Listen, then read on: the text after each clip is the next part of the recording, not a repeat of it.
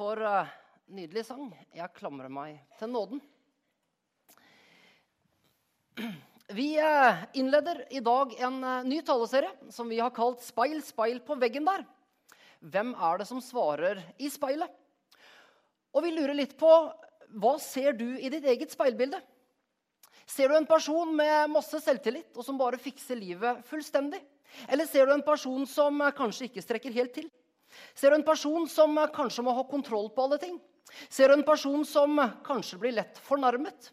Eller ser du en person som har et enormt behov for anerkjennelse? Med denne serien så ønsker vi å ta en titt på vårt eget speilbilde.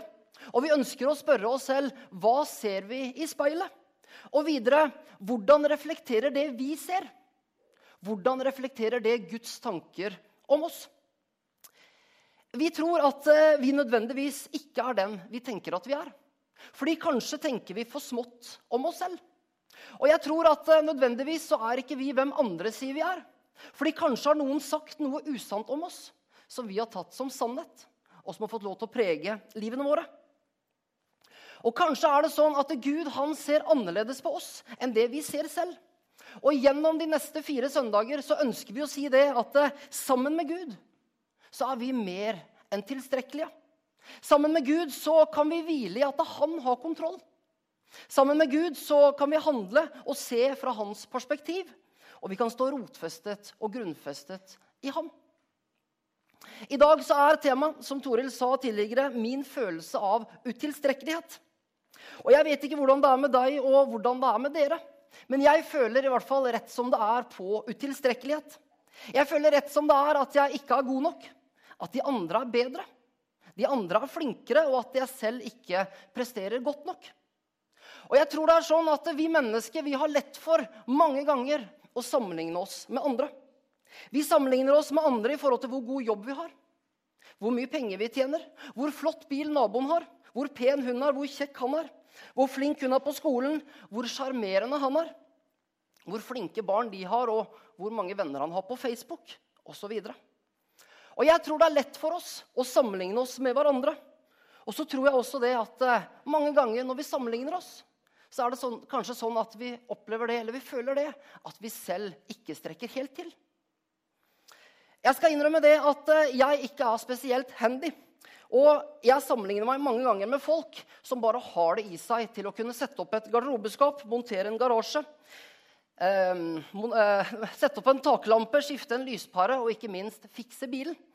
Og jeg tenker mange mange ganger at jeg skulle ønske at jeg var litt mer som en sånn her byggmester Bob-type.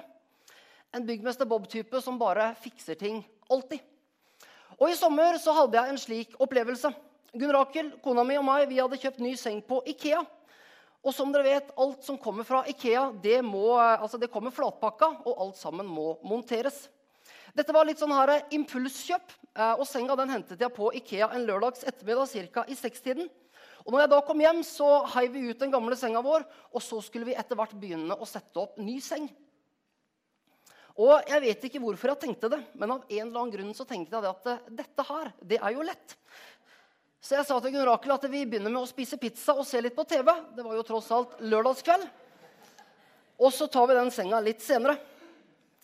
I halv ti-tiden så begynte vi så å montere seng. Og da skjønte jeg at dette det er litt mer arbeid enn hva jeg først hadde sett for meg. Og som sagt, jeg er ikke noen byggmester Bob-type. Etter tre timer så var jeg gjennomvåt av svette. Jeg hadde træler på hendene etter å ha skrudd med skrutrekker. Um, Mathilde våkna og gråt. Ryggen den varka. Og så var vi halvferdig med senga. Klokka halv to på natta uh, så var Mathilde fortsatt våken. Det kokte hos familien Pedersen. Men klokka halv to på natta så var senga ferdig. Og jeg tenkte det at nå, nå kan vi endelig legge oss etter fem timer med arbeid. Og jeg skulle da bare måte, rulle ut madrassen, fordi madrassen den kom jo også flatpakka. Det var jo tross alt Ikea. Men når jeg da tar av plastikken utenpå madrassen, så leser jeg 'må ikke brukes på 72 timer'. Og der sto vi plutselig midt på natta med en ny seng, for så vidt. Vi var fullstendig trøtte og utslitte, men vi hadde ikke noen seng som kunne brukes.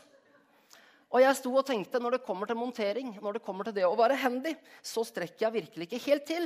Og jeg tenkte videre den lørdagskvelden jeg skulle ønske jeg var litt mer som byggmester Bob. Eh, og det tror jeg Gunn Rakel også skulle ønske fra tid til annen.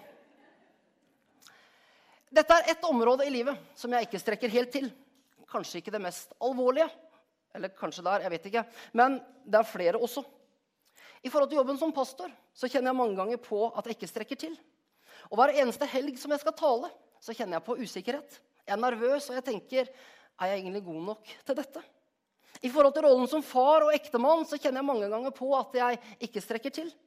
Jeg skulle eh, ønske mange ganger at jeg var mer både tålmodig og forståelsesfull. Og generelt sett så tenker jeg mange ganger at eh, jeg skulle ønske at jeg var litt bedre. Jeg skulle ønske at jeg kunne prestere bedre. Og som sagt så sammenligner jeg mange ganger med andre. Og så ser jeg på andre og så tenker jeg skulle ønske at jeg var litt mer som han.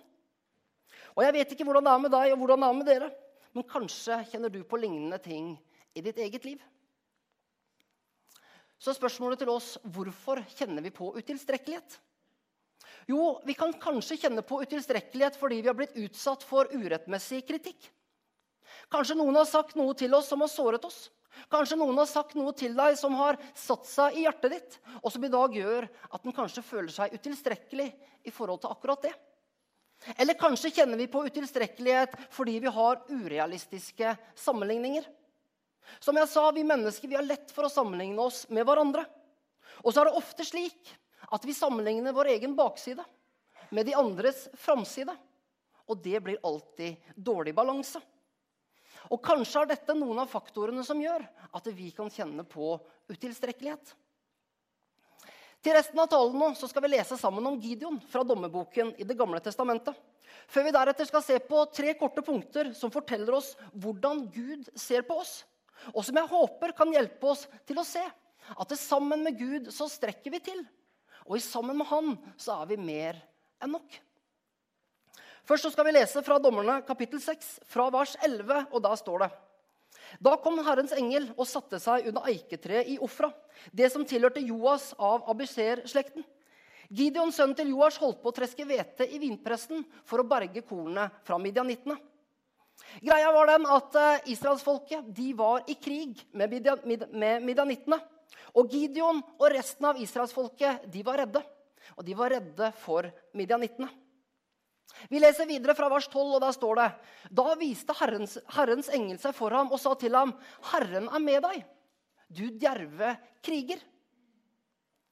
Gud kaller Gideon for en djerv kriger.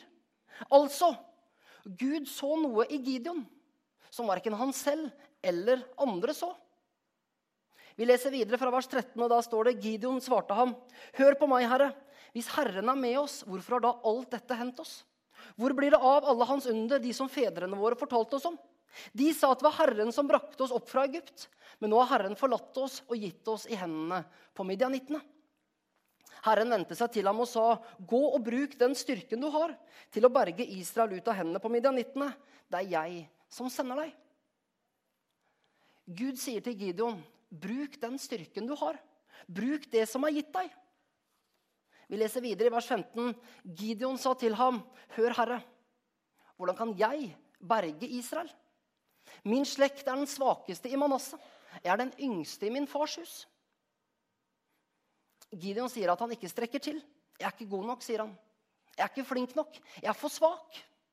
'Jeg fikser ikke dette', sier Gideon. Men så til slutt, vers 16, Gud som sier, 'Jeg vil være med deg', og du skal slå midjanittene alle som en. Gideon han kjente på sine begrensninger. Gideon han følte seg utilstrekkelig. Men Gud tenkte annerledes. Og jeg tenker vi kan få lov til å legge ned vår utilstrekkelighet foran Gud. Fordi vi er ikke nødvendigvis hva andre sier vi er. Vi er ikke nødvendigvis hvem vi selv sier vi er. Men vi er hvem Gud sier at vi er. Så tre korte punkt om utilstrekkelighet. For det første Guds syn på deg det er annerledes enn hva du selv tenker. Sannheten er det at Gud ser mer i deg enn det du ser i deg. Og Gud ser mer i deg enn hva andre mennesker ser i deg. I vers 12 i teksten vi akkurat leste, så sier Gud til Gideon, 'Herren er med deg, du djerve kriger'. Verken Gideon eller andre så på Gideon som noen stor kriger og stor leder. Men Gud så det annerledes. Gud han så et talent, om du vil. Gud så en utrustning som ingen andre så. Gud han så noe mer i Gideon. Jeg har vokst opp med en bror som heter Joakim. Og Joakim han er en bra type. Så var det sånn i oppveksten at Joakim han var en litt sånn her beskjeden kar. Spesielt når det gjaldt å stå foran folk. Eh, han var litt forsiktig og ikke den som stakk seg så mye fram. Kanskje litt i motsetning til broren. jeg vet ikke. Men i hvert fall, vi som kjente Joakim, vi visste det at det egentlig så var han utrolig morsom. Og Joakim han kunne underholde oss som få andre. Og det var få mennesker som jeg lo så mye av som Joakim. Men det var det ikke så mange andre som visste. Men så skjedde det. En fredagskveld midt i tenårene at en litt beskjedne Joakim, eh, som aldri hadde stått på en scene før, plutselig ble stående på en scene på et ungdomsmøte. Og plutselig så var en ny stjerne født. Greia var den at Joakim hadde et talent som Gud hadde større planer for. Noe ble forløst.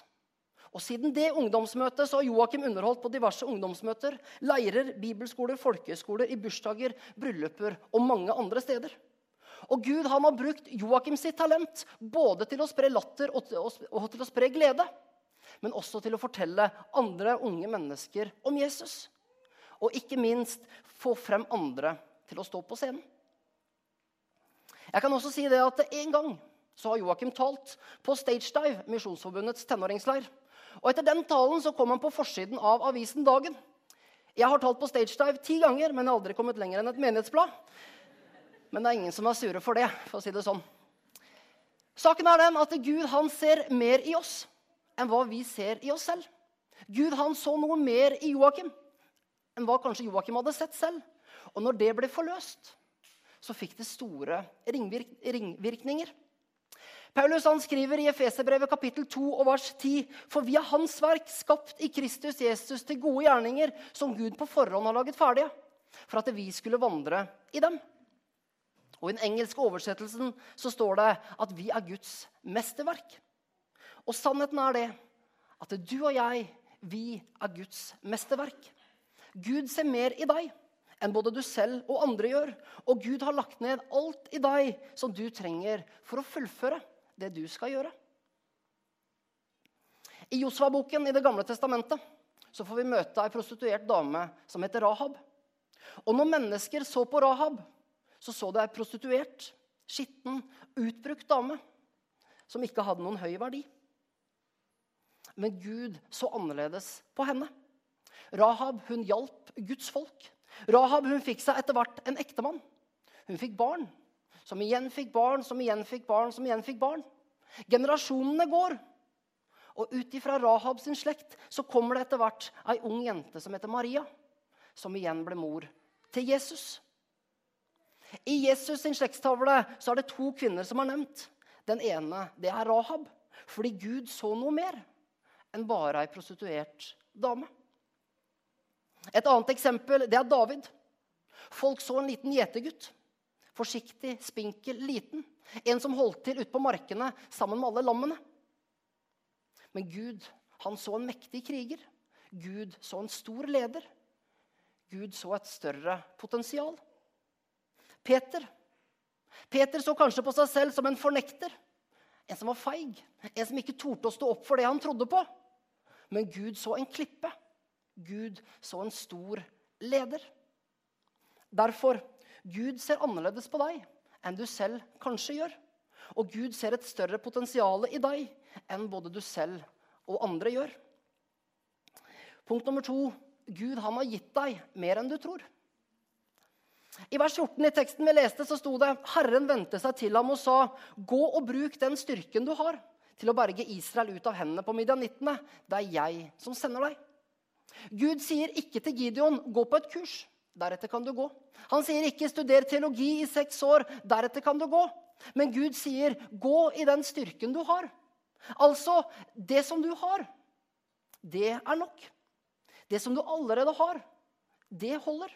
For det er jeg som sender deg, sier Gud. Og Kanskje er det sånn at vi mange ganger ser på oss selv og så tenker vi, hvem er vel jeg? Jeg kan ikke tale, eller jeg kan ikke lede. Jeg kan ikke være med som leder i søndagsskolen. Jeg er ikke noen typisk leder. Jeg, kan, jeg kommer aldri til å stige gradene på jobben. Jeg kommer aldri til å få gode karakterer nok på skolen, osv. Og, og kanskje har vi en indre stemme som hvisker det til oss. I Norge så er janteloven sterk.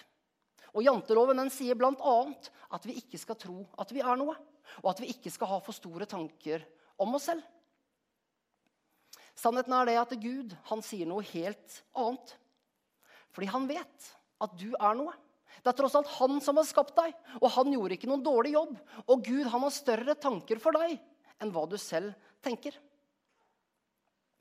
For ett år siden så skrev jeg en emneoppgave i forhold til en master som jeg tar i praktisk teologi ved Ansgarskolen i Kristiansand. Jeg begynte på en master i fjor høst. Eh, vi skulle skrive oppgave, og jeg hadde ingen tro på meg selv i forhold til den oppgaven. Jeg hadde ett eneste mål, og det var å unngå strykkarakter. Det var ti år siden sist jeg hadde levert oppgave. Og de siste oppgavene som jeg leverte på Misjonshøgskolen for ti år siden, de var ikke spesielt bra. Og det fikk jeg også høre. I en klassediskusjon så sa annet en av professorene til meg eh, han sa til meg at jeg heller burde vurdere å gå på bibelskole. fordi det var ikke sikkert at et teologistudiet var liksom noe for meg. Og på oppgavene som jeg fikk, eh, og på oppgavene som jeg leverte, så fikk jeg enten stryk, E eller D. Og det var karakterene som jeg gikk ut med for ti år siden. Så selvtilliten min den var ikke veldig stor når, jeg, når, det kom til oppgaveskriving for ett år siden. Men jeg tenkte det, at jeg skal gjøre mitt beste. Jeg skal gjøre mitt beste. Jeg fikk veiledning underveis. Og spenningen den var enormt stor da jeg 6.12. i fjor gikk inn på nettet for å sjekke min karakter. Og da fikk jeg et aldri så lite sjokk. For helt seriøst, jeg håpa på å få en D, så jeg i hvert fall fikk en ståkarakter. Men jeg fikk en B. Og jeg jubla. Og jeg syntes det var kjempegøy med en god karakter. Og jeg trodde nesten ikke det var sant. Og jeg sa til Gunn Rakel og andre at jeg er kanskje ikke så dum allikevel. For helt seriøst, de siste ti år så har jeg trodd at når det kom til skole og oppgaveskriving, så hadde jeg ikke det som skulle til. At jeg ikke var smart nok. Men søstera mi, som også studerer master, hun sa til meg det. Og så sa hun, Thomas sa hun, du er egentlig naturlig smart. Og jeg tenkte den skal jeg ta med videre. Greia er den at Gud han har gitt oss alt vi trenger for å fullføre det som vi er satt til å gjøre. Og Gud han sier til oss at vi skal gå i den styrke som vi har. Og ut fra den styrke vi har, så skal vi gjøre vårt aller beste. Vi skal bruke det vi har, og det tror jeg Gud velsigner. I 2. Peters brev 1,3 så står det ja, alt vi trenger for å leve i Guds frykt, har Hans guddommelige makt gitt oss i gave ved at vi kjenner Han som kalte oss ved sin egen herlighet og makt. Altså alt det som vi trenger, det har Gud gitt oss i gave. Gud han holder ingenting tilbake. Han vil bare gi oss av sitt beste. Ikke tro på at ikke du kan. Ikke tro på janteloven. Fordi sannheten er at Gud han har gitt oss mer enn det vi tror. Fordi Gud han har gitt oss absolutt alt.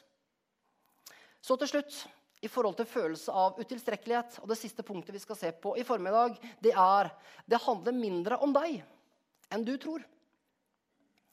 I vers 16 som vi leste tidligere, så sto det 'Jeg vil være med deg', og du skal slå midianittene alle som en. Engelen som kommer til Gideon, minner Gideon på at det handler mindre om Gideon. For det handler aller mest om Gud.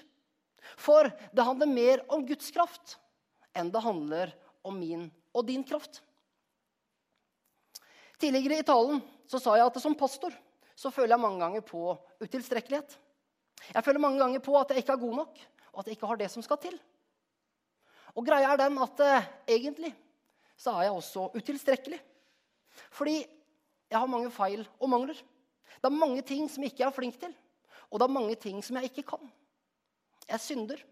Jeg sier ting som jeg ikke burde, burde, jeg som jeg ikke burde sagt. Jeg tenker tanker som jeg ikke burde tenkt. Jeg er kjempenervøs foran hver eneste helg. Og jeg tenker, er jeg godt nok forberedt? Blir talen godt tatt imot? Kommer det folk? Og natt til søndag så drømmer jeg ofte om gudstjenestene. Og da drømmer jeg ofte om alt det som kan gå galt.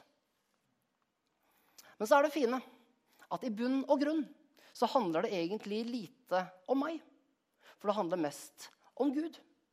Og hver eneste uke så sender jeg ut bønne-SMS. Både til folk her i menigheten og andre steder. Og da vet jeg at folk er med og ber for meg. Og så vet jeg at på samme måte som Gud var med Gideon, ja, så er Gud med meg. Og jeg kan få lov til å gå inn i Guds nåde. Jeg kan få lov til å gå i Guds kraft. Og så kan jeg få lov til å gå i Guds ledelse. For der jeg ikke strekker til, der strekker Gud til. Og der jeg ikke er god nok, ja, så er Gud mer enn god nok. Alltid. Derfor har jeg bare avslutningsvis lyst til å si til deg gå frimodig i Guds kraft. Vit det at der du kjenner på utilstrekkelighet, så er Gud mer enn tilstrekkelig. Og han har mer for deg og meg hver eneste dag. Og husk tre ting fra talen i dag.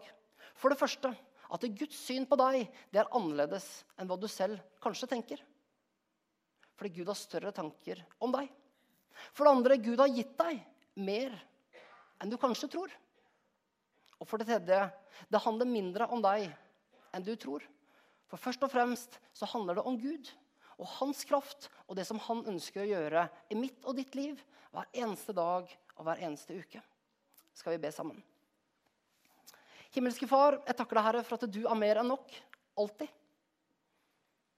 Og jeg takker deg, Herre, for at eh, din nåde, den er tilgjengelig. Jeg takker deg, Herre, for at din kraft, den er tilgjengelig. Og takk, Herre, for at vi kan få lov til å gå i din nåde og din kraft. Og takk, Herre, for at det er så vi kjenner på utilstrekkelighet, der kommer du inn, og så er du mer enn nok. Der vi ikke strekker til, der strekker du til. Og det holder alltid. Takk for det, Jesus. Og så ønsker jeg bare Herre, å be for oss alle som er her inne. Herre. Du ser våre liv, du ser våre hjerter. Du ser kanskje områder i livene våre som, som vi kjenner på utilstrekkelighet. Herre, vi ønsker bare å invitere deg inn i de områdene akkurat nå. Og så ønsker vi å gi det til deg. Og så kan vi vite det at du strekker til. At du er og du har mer enn nok i alle de situasjonene. Herre, du ser også uka som ligger foran oss. Kanskje har vi noen utfordringer som står, som står foran oss. Jesus, takk for at du er mer enn nok, og du er der allerede. Takk, Jesus. Amen.